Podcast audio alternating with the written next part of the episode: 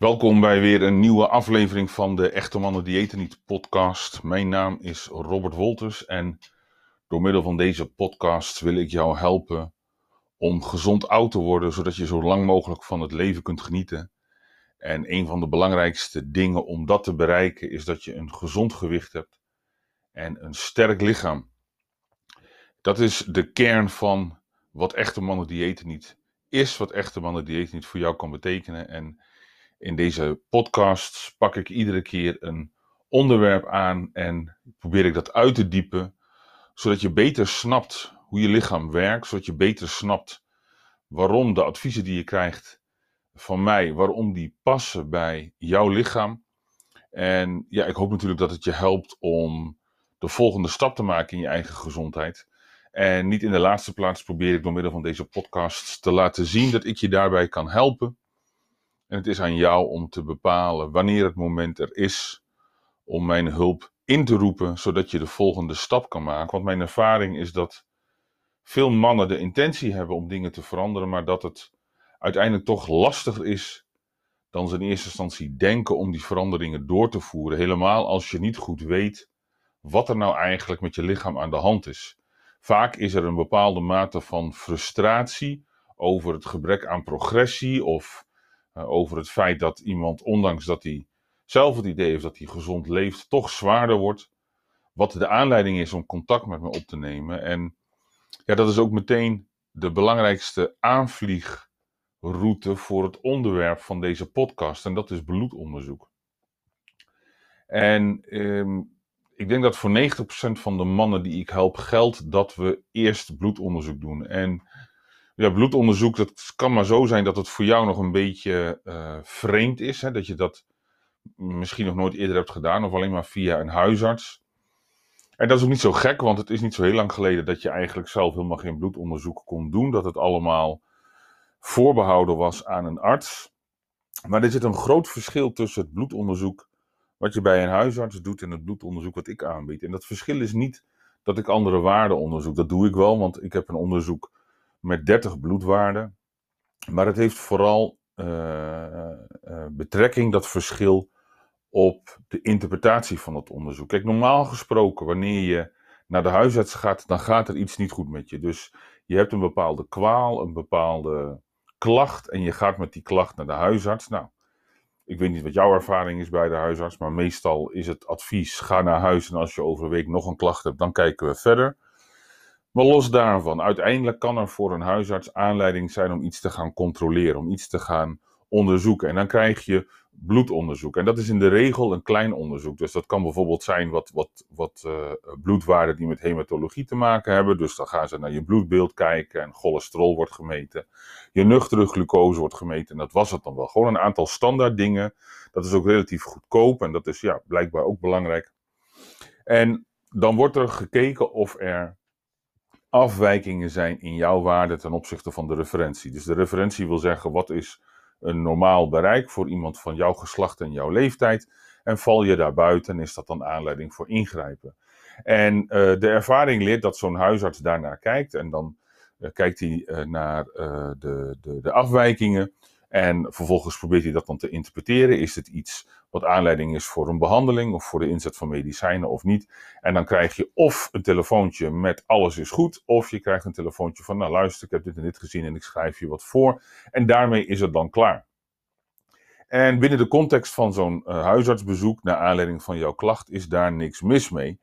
Maar het is een, ja, wat zal ik zeggen, een veel te uh, uh, smalle manier van kijken naar de waarde van bloedonderzoek. En Kijk, er zijn een aantal dingetjes die je zelf kunt meten. Je kunt op de weegschaal gaan staan en dan kun je je BMI uitrekenen. Dan weet je of je te zwaar bent of niet. Je kunt een centimeter, of dan zeg ik, een meetlint om je buik gooien. En dan, eh, als dat meer dan 102 is, weet je sowieso dat je te zwaar bent. Eigenlijk voor een man moet hij onder de 92 zitten, maar is een beetje afhankelijk van je lengte. En je kunt ook zelf thuis je bloeddruk meten. En ja, praktisch iedereen weet wel dat 80 om 120 een gezonde bloeddruk is. Dus je hebt al een aantal parameters die met je lichaam te maken hebben, die je zelf kunt meten. Nou, de volgende stap is bloedonderzoek. En inmiddels kun je op verschillende plekken in Nederland zelf bloedonderzoek aanvragen. En in plaats van dat je dan uh, een arts raadpleegt en die voor jou onderzoek gaat doen en die gaat kijken naar de getallen en jou gaat vertellen dit is, het is goed of het is niet goed, krijg je uiteindelijk die uitslag, krijg je zelf. En dat is een groeiende business. Er is een steeds groter groeiende groep mensen die zelf bloedonderzoek doen. Die zelf kijken naar een aantal bloedwaarden. En dat zijn vooral sporters. Ik, ik werk met, met bloedwaardetest.nl samen. En dat, doe ik al jaren. En ik heb ook een tijd lang consults gegeven voor klanten die bij hun uh, bloedonderzoek deden. En dat zijn zonder uitzondering allemaal sporters die serieus met hun sport bezig zijn. Vaak uh, uh, jongens die in de sportschool trainen. En die af en toe dingen onderzoeken om te kijken of ze goed bezig zijn, ja of nee. Nou, um, ik heb uh, daarvoor zelf een bedrijfje gehad wat bloedonderzoek verzorgde. Ik deed dat toen in samenwerking met een uh, klinisch chemicus. Die had een methode ontwikkeld, die heeft hij nog steeds, maar dat doet hij nu zelf in zijn eigen lab. Waarmee je door middel van een vingerprik eigenlijk de meeste bloedwaarden kon meten. Dus het was een hele laagdrempelige manier om bloedonderzoek aan te bieden. En ook dat was specifiek gericht op sporters. Dat was mijn doelgroep, ook mensen die ik zelf begeleide. Om gewoon zicht te krijgen op wat gebeurt er nou in je lichaam en wat is nou de consequentie van veranderingen in je voedingspatroon of veranderingen in suppletie op je bloedwaarde en hoe kun je ervoor zorgen dat je dingen zo gezond mogelijk doet. Nou, uiteindelijk ben ik met echte mannen diëten niet begonnen. En uh, heb ik als integraal onderdeel van het jaarprogramma ook bloedonderzoek zitten. Omdat je nou eenmaal zicht moet krijgen op wat er in je lichaam gebeurt. En bloedonderzoek is daar bij uitstek geschikt voor. En daar waar een arts kijkt naar afwijkingen en op basis daarvan een diagnose stelt en zegt: Oké, je hebt deze kwaal of deze aandoening, hou ik me daar niet mee bezig. Dus ik, ik, ik ben er niet om ziekte te diagnosticeren. Sterker nog, als er ergens een afwijking zit die zo groot is dat het aanleiding is voor vervolgonderzoek, dan, dan is het advies altijd: ga naar de huisarts. Laat dat stukje opnieuw onderzoeken en overleg met hem of haar wat het vervolg is. Maar het mooie aan bloedonderzoek is dat je binnen het bereik wat als normaal wordt gezien, dus binnen de referentiewaarde, dat je daar enorme variaties hebt. Je hebt enorme variaties in het bereik wat op een formulier als normaal staat. En om dat te illustreren als voorbeeld, een van de dingen die we onderzoeken is ferritine. Ferritine is een, een eiwit wat ijzer bindt. En dat wordt in alle cellen gemaakt. En hoe meer ijzer je in je lichaam hebt, hoe meer ferritine er in je lichaam wordt aangemaakt. Nou, dat, dat, dat is eh, gewoon een, een eiwit dat je kunt meten. Maar als je dan kijkt naar de referentiewaarde, naar het bereik wat normaal is, dan zit dat tussen de 30 en 400. Dus je moet je voorstellen, je hebt een bereik van 30 tot 400. Dus als jij 31 hebt, is dat goed. Maar volgens dat bereik is 399 of 400 zelfs ook goed. Dat is natuurlijk, dat is natuurlijk een enorm verschil. Hè? Dat is niet eens 100% verschil, dat is gewoon meer dan 1000% verschil. Het is dan ook niet zo gek om te bedenken dat er iets anders met je lichaam aan de hand is wanneer je een waarde hebt van 30 dan wanneer je een waarde hebt van 400. Hè, dat, dat, daar, daar is iets wezenlijks anders in je lichaam aan de hand. En dat haalt een huisarts er in de regel niet uit. Omdat die niet gespecialiseerd is in het interpreteren van bloedonderzoek en alleen maar kijkt naar waar zit de afwijking. En als jij dan een ferritinegehalte hebt van 350 of 360, dan zal hij zeggen, dat is prima. Heb je een ferritinegehalte van 35, zal hij zeggen, is prima. Dus de ervaring leert dat binnen die bandbreedte van de referentiewaarde er enorm veel variatie is. En iedere waarde op zich in dat bereik, dat zegt iets. Maar ook de verhouding tussen verschillende waarden onderling zegt iets. En, en dat is wat we met bloedonderzoek eruit kunnen halen. Als je bijvoorbeeld kijkt naar je bloedbeeld, dus je kijkt naar de cellen die te maken hebben met wat ze hematologie noemen. Dat zijn witte bloedcellen, rode bloedcellen. Hè, dat zijn uh, het, het, het, uh, het, het, het hemoglobine, dus het, het eiwitgehalte in rode bloedcellen wat zuurstof kan binnen, binden. Daar zijn allerlei waarden die daarmee te maken hebben. Die kijken naar de omvang van die cellen, die kijken naar het volume van die cellen. En als je kijkt naar de onderlinge verhoudingen, dan kun je daar bijvoorbeeld uithalen of je voldoende ijzer binnenkrijgt, maar ook of je voldoende vitamine B12 of foliumzuur binnenkrijgt. Dus je hoeft niet altijd specifiek een vitamine te meten in het bloed, wat soms heel onbetrouwbaar kan zijn. Want als jij bij wijze van spreken een multivitamine hebt genomen of je hebt iets gegeten met heel veel van een bepaalde vitamine erin, dan kan het best wel zijn dat er een mooie waarde uitkomt. Maar wanneer je een aantal waarden meet die te maken hebben met hoe je lichaam omgaat met die vitamines, hoe je lichaam omgaat met die mineralen, bijvoorbeeld in het bloedbeeld, dan kun je daar dus de langetermijn effecten uithalen. En iets anders wat we meten is uh, alles wat met cholesterol te maken heeft. En ook daarin schiet een standaardinterpretatie vaak tekort. Want wat, wat er gebeurt is dat er wordt gekeken naar totaal cholesterol, HDL, LDL en triglyceriden. En dan worden er vaak wat verhoudingsgetallen uh, uh, worden er bij elkaar gehaald. Maar de belangrijkste voorspeller van bijvoorbeeld de kans op hart- en vaatziekten is de verhouding tussen je HDL-cholesterol en je triglyceriden. De triglyceride-HDL-index is de beste voorspeller van je kans op hart- en vaatziekten. En die HDL-triglyceride-index die staat in rechtstreeks verband met de mate van insulineresistentie in je lichaam. Dus wanneer jij insulineresistent bent, dan zul je zien dat jouw HDL verlaagd is en jouw triglyceriden verhoogd zijn. En insulineresistentie meet je door het meten van glucose. Nou, dat doet een huisarts wel. Maar ook het meten van nuchtere insuline, dat doet bijna geen enkele huisarts. En het meten van versuikerde hemoglobine, HbA1c. Dus je kunt door het meten van je glucosestofwisseling ook verklaren waarom bijvoorbeeld er in je cholesterol verstoringen zijn die je risico op hart- en vaatziekten vergroten. Dus die dingen houden allemaal verband met elkaar. Je kunt ook heel rechtstreeks een aantal dingen meten, zoals bijvoorbeeld het gehalte aan vitamine D3. Sorry, aan vitamine D, 25 hydroxyvitamine D, dat is wat we eigenlijk meten. Je kunt meten de mate van ontsteking in je lichaam door hoogsensitief CRP te meten. Bij mannen is het heel belangrijk om ook eens in de zoveel tijd je PSA te meten, wat een, een marker is voor prostaatgezondheid.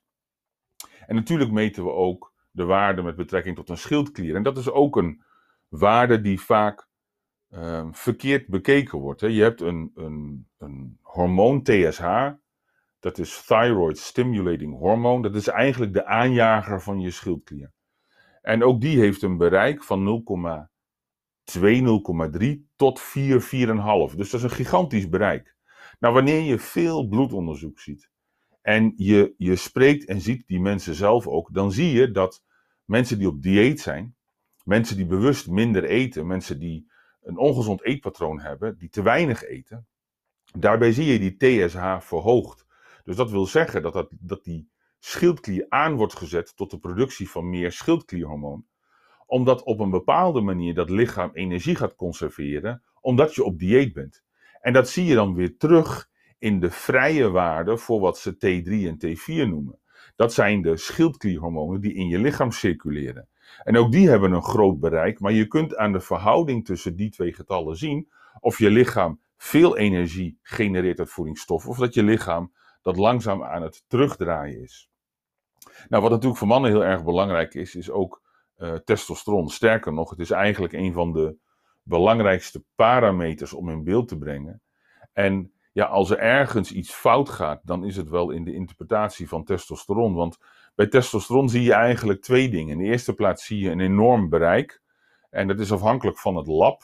Maar het lab wat wij gebruiken heeft een bereik van 6,68 tot 25,7. Dus dat is weer zo'n gigantisch bereik, wat een factor 4 uit elkaar ligt. En ja, je kunt alles over dat bereik zeggen. Dat ik uh, even uh, verklaren waar zo'n bereik vandaan komt. En die referentiewaarden die worden bepaald op basis van het onderzoek wat in dat lab wordt gedaan bij in dit geval gezonde mannen tussen de 20 en de 80. Dus alle gezonde mannen tussen 20 en 80 worden opgenomen in een database en dan de onderste 2,5% en de bovenste 2,5% gaat eraf en zo ontstaat een bereik. Dus dat bereik dat is ook nog dynamisch, dat verandert in de loop van de jaren. En dat zie je bij testosteron terug, want die 6,68 tot 25,7 is significant lager dan het bereik wat ik vroeger had in het lab wat ik gebruikte, wat tussen de 10 en de 32 zat. Dus je ziet het over de volle breedte, die labwaarden steeds verder naar beneden gaan. Dat dat bereik steeds verder naar beneden gaat. Waar komt dat door? Wij maken als mannen collectief steeds minder testosteron aan. Wereldwijd fenomeen. Wij produceren steeds minder testosteron. Dus je ziet die referentiewaarden steeds verder naar beneden lopen. Als een lab een referentiewaarde heeft van 6 of 7 als ondergrens, dan ligt dat 2 of 3 tiende punt onder wat de ondergrens is voor de Endocrine Society, de internationale vereniging van endocrinologen. Die hebben aangegeven dat ergens zo rond de 10, 10,7 de grens ligt voor een man. Alles daaronder is klinisch hypogonadaal. Dus dat wil zeggen dat je gewoon klinisch te weinig testosteron aanmaakt en dat je moet gaan suppleren. Anders eh, loop je een veel grotere kans op tal van aandoeningen, waaronder diabetes, hart- en vaatziekten en kanker. En je uh, vermindert gewoon je levensgeluk, omdat je ook veel meer last hebt van depressieve klachten en van seksuele stoornissen. Alleen wanneer je dus naar de huisarts gaat en je laat dat meten en je komt uit op een waarde van 9, uh, dan zal een huisarts zeggen: Nou ja, het valt binnen de referentie, dus het is goed. En, en dat laat maar zien dat er binnen de bandbreedte van een referentiebereik op een labformulier er heel veel te zeggen valt over wat is nou een gezonde waarde, wat is nou een optimale waarde en wat niet. En, en dat is iets dat wordt eigenlijk overgeslagen. En dat komt omdat het, het medische model geënt is op het zoeken van ziekte. Ze, ze, ze zoeken naar afwijkingen die kunnen verklaren waarom jij bepaalde klachten hebt. Maar die afwijkingen moeten zo groot zijn dat het zich manifesteert als, als pathologie, als ziekte.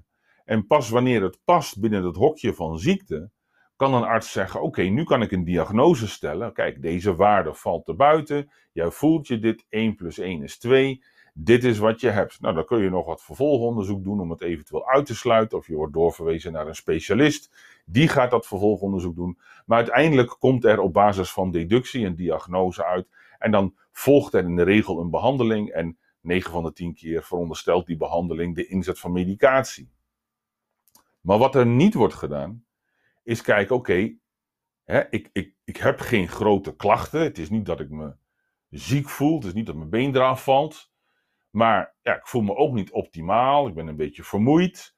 En uh, ik ben 10 kilo zwaarder dan dat ik wil. Ik doe mijn best om op mijn voeding te letten en, en met bewegen in de gang te gaan. Maar er gebeurt gewoon niks in mijn lijf. Wat is er aan de hand? En, en dan moet je gaan kijken naar de, de, de onderlinge verhouding van die bloedwaarden. En dan moet je ook gaan nadenken over welke leefstijlinterventies een bijdrage kunnen leveren aan de verbetering van die bloedwaarden. Zodanig dat je op een gegeven moment uh, wel resultaat haalt. En als je dan zou willen testen over een jaar of over twee jaar, dat je ook verbeteringen ziet. En vaak hoeft dat niet eens. Ja, je hoeft niet eens te hertesten wanneer je weet wat de afwijkingen zijn. En vaak kun je met een bloedonderzoek eigenlijk bevestigen wat iemand zelf al voelt. Want dat is mijn ervaring. Als iemand bij mij bloedonderzoek doet, dan krijgen ze van mij een telefonisch consult. Dat doen we dan. In het programma zit dat ingebakken. Doe je het bloedonderzoek apart, dan moet je dat consult betalen. Maar dan, dan leg ik uit wat ik zie op basis van die cijfers. En uh, dat is altijd een feest van herkenning. Voor degene voor wie dat bloedonderzoek is gedaan, is het altijd een feest van herkenning. Want het is altijd een bevestiging van, van patronen die ze zelf ook al zien. En niet zo goed kunnen verklaren waar het dan door komt. En dan, dat heeft bijvoorbeeld met, met, met insulineresistentie te maken, met laat eten te maken. Het heeft te maken met, met uh, onvoldoende eiwit in je voeding. Het heeft te maken met uh, um, uh, de, het effect van slaap op testosteron. Allerlei dingen komen in zo'n gesprek aan bod. En je ziet dan dat iemand eigenlijk zelf een soort van, wat zal ik zeggen, alsof, het, alsof een lampje gaat branden. Alsof ze denken, kijk, ik heb altijd al gedacht, zus, zo, dit en dat. En nu zie je in het bloed een bevestiging daarvan. En ook meteen de aanwijzing wat je dan moet veranderen. En ik hoop dat je snapt dat ik met bijvoorbeeld dat boek wat ik geschreven heb, een algemeen advies geef over afvallen. Afvallen op een mannelijke manier, zonder calorieën te tellen, zonder kleine maaltijden, zonder de hele dag door te eten, maar gewoon twee, drie goede maaltijden, vol met eiwit, vol met groente, vol met goede dingen die je lichaam nodig heeft. Maar dat is natuurlijk een algemeen advies. En dat algemene advies, dat kun je gaan implementeren. Maar wanneer jij enorm insulineresistent bent, hè, wanneer jouw nuchtere glucose veel te hoog is, wanneer jouw nuchtere insuline veel te hoog is, dan kan het best wel zo zijn dat, dat drie maaltijden voor jou veel te veel zijn. Dan kan het best wel zo zijn dat jij nou net even iemand bent die een tijd lang geen rijst, aardappelen en havermout moet eten. Hè? Maar wat eet je dan? Hoe zorg je er dan voor dat je voldoende voedingsstoffen binnenkrijgt, voldoende energie binnenkrijgt? En hetzelfde geldt met uh, misschien jouw keuze om geen vlees te eten. Dat had ik laatst ook iemand aan de lijn die eigenlijk twee keer per week, drie keer per week vis eet, maar eigenlijk nooit vlees. En dan vervolgens komt er een tekort aan vitamine B12 en een tekort aan uh, ijzer uit het bloedonderzoek. Ja, vitamine B12 zit in dierlijk voedsel. Je moet dan gewoon meer dierlijk voedsel eten. Of als je principieel geen dierlijk voedsel wil eten, ga je vitamine B12 suppleren op een plantaardige manier. En hetzelfde geldt bijvoorbeeld voor je vetinname. Wanneer je te weinig vet in je voeding hebt, iets waar bijna iedereen last van heeft wanneer die op dieet gaat, dan heeft dat een negatief effect op de aanmaak van testosteron. Je hebt ongeveer 40% van je dagelijkse energie uit vetten nodig om dat te optimaliseren. En daar moeten ook voldoende verzadigde vetten in zitten. Dus als jij uh, bent gevallen voor het algemene advies om vet te matigen en vooral meervoudig onverzadigd vet te eten in de vorm van allerlei ongezonde industrieel bewerkte zaadolieën, al dan niet verwerkt in margarine, halverine en bak- en baardboter, wat gewoon rotzooi is, het is meuk, dan kan het maar zo zijn dat het een negatief effect heeft op de productie van testosteron. Nou, wanneer ik dat soort dingen noem en we zien een laag testosterongehalte, ja, dan kun je dat dus gaan veranderen door gewoon in, in, in roomboter en in kokosolie te gaan bakken. Door af en toe ook gewoon vlees te eten met, met 20, sorry, 12, 15 procent vet erin. Om gewoon vaker ei te eten. Dus je kunt op die manier heel eenvoudig je voedingspatroon aanpassen en laten aansluiten bij wat je lichaam nodig heeft. Alleen nu is dat een beetje natte vingerwerk en een beetje gissen. En kun je niet echt duidelijk krijgen waar het nou door komt dat je je voelt zoals je je voelt. En waarom het afvallen niet lukt. En dat is waarom bloedonderzoek eigenlijk ja, onmisbaar is. En ja, natuurlijk kun je ook in het jaarprogramma instromen zonder bloedonderzoek te doen. En, en natuurlijk kun je ook gewoon op eigen houtje besluiten om met de, de vier pijlers van Echte Mannen Dieet niet en het advies in het boek aan de slag te gaan. Maar ik zou je toch op het hart willen drukken om toch in ieder geval één keer in je leven, wanneer je de 40 gepasseerd bent, een uitgebreid bloedonderzoek te gaan doen. En dat te doen bij iemand die verstand heeft van het effect van leefstijl op bloedwaarde en hoe je bloedwaarde met leefstijl kunt verbeteren. Of je dat dan bij mij doet of bij iemand anders, moet je zelf weten. Maar mijn ervaring is dat als je dat via je huisarts doet, dat je niet die 30 bloedwaarden krijgt die wij onderzoeken. En dat je ook niet de uitgebreide uitleg krijgt over wat die waarden nou betekenen, om de dood eenvoudige reden dat jouw huisarts dat niet weet. En het is hem ook niet kwalijk te nemen, want hij is opgeleid in een model van ziekte. En ik hou me bezig met het model van gezondheid. Hoe zorg je ervoor dat je optimaal gezond bent? Welke bloedwaarden verzeg je iets over de staat van gezondheid in je lichaam? En hoe kun je dat door middel van leefstijl verbeteren? En uh, ik heb het in een e-mail en ook op de, op de uh, pagina van bloedonderzoek wel eens de APK voor je lichaam genoemd.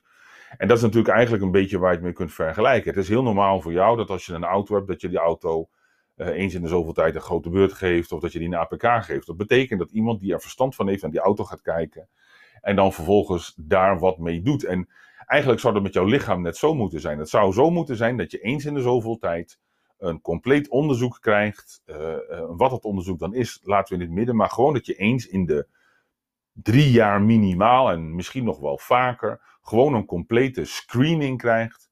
Waarbij we gaan kijken, gaat alles nog goed, ja of nee? Het is natuurlijk eigenlijk van de zotte dat we een auto preventief onderhouden, een trein preventief onderhouden, een vliegtuig preventief onderhouden. Maar jouw lichaam onderhouden we niet preventief. We gaan er maar vanuit dat alles goed gaat totdat het fout gaat. En als het dan fout gaat, dan is het vaak al zo fout dat er in het lijf gesneden moet worden, dat je structureel aan de medicatie moet. En dat is natuurlijk eigenlijk van de zotte, hè? wanneer je door middel van een simpel bloedonderzoek eigenlijk al heel goed kan ondervangen uh, wanneer iemand bijvoorbeeld tegen diabetes aanloopt, of wanneer iemand uh, grote kans heeft op slagaderverkalking, of wanneer iemand zo laag in zijn testosteron zit dat, dat overgewicht en, en insulineresistentie en, en vermoeidheid en depressiviteit om de hoek kijken, dan, dan kun je dat ondervangen. Dan kun je zeggen, luister, laten we aan de slag gaan om dat te verbeteren. Niet met pillen, niet met medicijnen, maar gewoon door beter te leven. Maar dat gebeurt helemaal niet. Je kunt ook nergens naartoe. Ga maar nadenken. Als jij ziek bent, ga je naar je huisarts. Je huisarts verwijst je door naar een specialist. Je gaat naar het ziekenhuis en daar helpen ze je. Maar als jij niet ziek bent, maar je wilt gezonder leven, welke instantie is er? Waar ga je naartoe? Dan ga je googelen. Dat ga je doen. Je gaat een beetje rondzoeken en je gaat op zoek naar informatie. En in deze tijd is er een overkill aan informatie. En uiteindelijk krijg je ook volstrekt tegenstrijdige adviezen. Want de een kan met volle overtuiging tegen je zeggen dat je nooit dierlijk voedsel moet eten. En de andere zal tegen je zeggen met volle overtuiging dat planten vol zitten met gifstoffen. En dat je vooral dierlijk voedsel moet eten. En ze hebben allebei gelijk, want ze hebben allebei een hele schare aan onderzoek achter zich. Wat hun beeld bevestigt. Mijn uitgangspunt met echte mannen die eten niet is niet deze filosofie of die filosofie aan te hangen. Of deze trend of die maar jouw lichaam centraal te stellen. Jouw lichaam als product van miljoenen jaren evolutie, dat zegt ons al heel veel over dat lichaam van jou. En vervolgens doen we bloedonderzoek en zien we gewoon heel precies hoe het met jou gaat op dit moment. En ik doe zelf nog veel meer dingen. Ik doe ook DNA-onderzoek.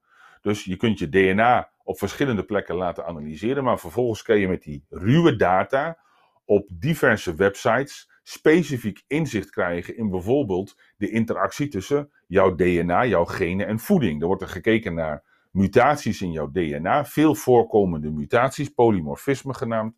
En er zijn onderzoeken die laten zien dat bepaalde afwijkingen in bepaalde genen tot gevolg hebben dat je bijvoorbeeld beter kunt omgaan met veel eiwit dan met veel vet. Ik noem eens even iets. Of er zijn afwijkingen in jouw DNA die ervoor zorgen dat je minder eiwit aanmaakt, wat vitamine D in je bloed rond moet brengen, waardoor jij meer suppletie van vitamine D nodig hebt. Al dat soort dingen weten we al, al dat soort dingen kennen we. En het is natuurlijk eigenlijk raar dat als het om je gezondheid gaat, dat we helemaal geen gebruik maken van al die kennis, dat we helemaal niks doen daarmee, maar maar gewoon, weet ik veel, een beetje in het wilde weg besluiten om, nou ja, weet je, we doen gewoon alle koolhydraten eruit en dan kijken we al hoe het gaat. En, en uh, um, weet ik wat voor onzin je allemaal nog meer kunt bedenken. Gewoon puur op basis van een algemeen idee over voeding. En dat is dan op iedereen van toepassing. Los van of je roots in Spanje, Noorwegen, in Zuid-Amerika of in China liggen. Het is allemaal één pot nat. Dat is het natuurlijk helemaal niet. En ieder lichaam is uniek. Ieder lichaam reageert uniek. En de expressie van jouw genen verandert op basis van jouw leefstijl. Dus jouw leefstijl heeft een grote invloed op hoe jouw lichaam zich manifesteert. Daarom gaat het vanzelf op je twintigste, kost het iets meer moeite op je veertigste en is er soms geen verandering en geen beweging meer in te krijgen op je zestigste. Bloedonderzoek laat je zien hoe jouw lichaam er op dit moment voor staat en het geeft jou de aanwijzingen om dingen te veranderen, zodat je een algemeen plan kunt toespitsen op jouw situatie. Heb je interesse om bloedonderzoek te doen en denk je dat ik degene ben die jou daar het beste bij kan helpen, dan heb je natuurlijk gelijk. Ga dan naar emdn.nl bloedonderzoek. Dan kun je lezen welke waarden we onderzoeken en kun je ook lezen hoe je dat bloedonderzoek kunt bestellen. En nog slimmer is dat je mijzelf gewoon een berichtje stuurt, dat je interesse hebt en dat je ook met het programma mee wil doen. Dan koppelen we dat aan elkaar en dan weet je zeker dat je een goede start maakt met het optimaliseren van jouw leefstijl, zodanig dat je in een jaar tijd het fundament legt voor een lang leven, voor een gezond leven en voor een gelukkig leven. Alright, dat was het voor deze aflevering. Ik dank je voor het luisteren en tot een volgende keer.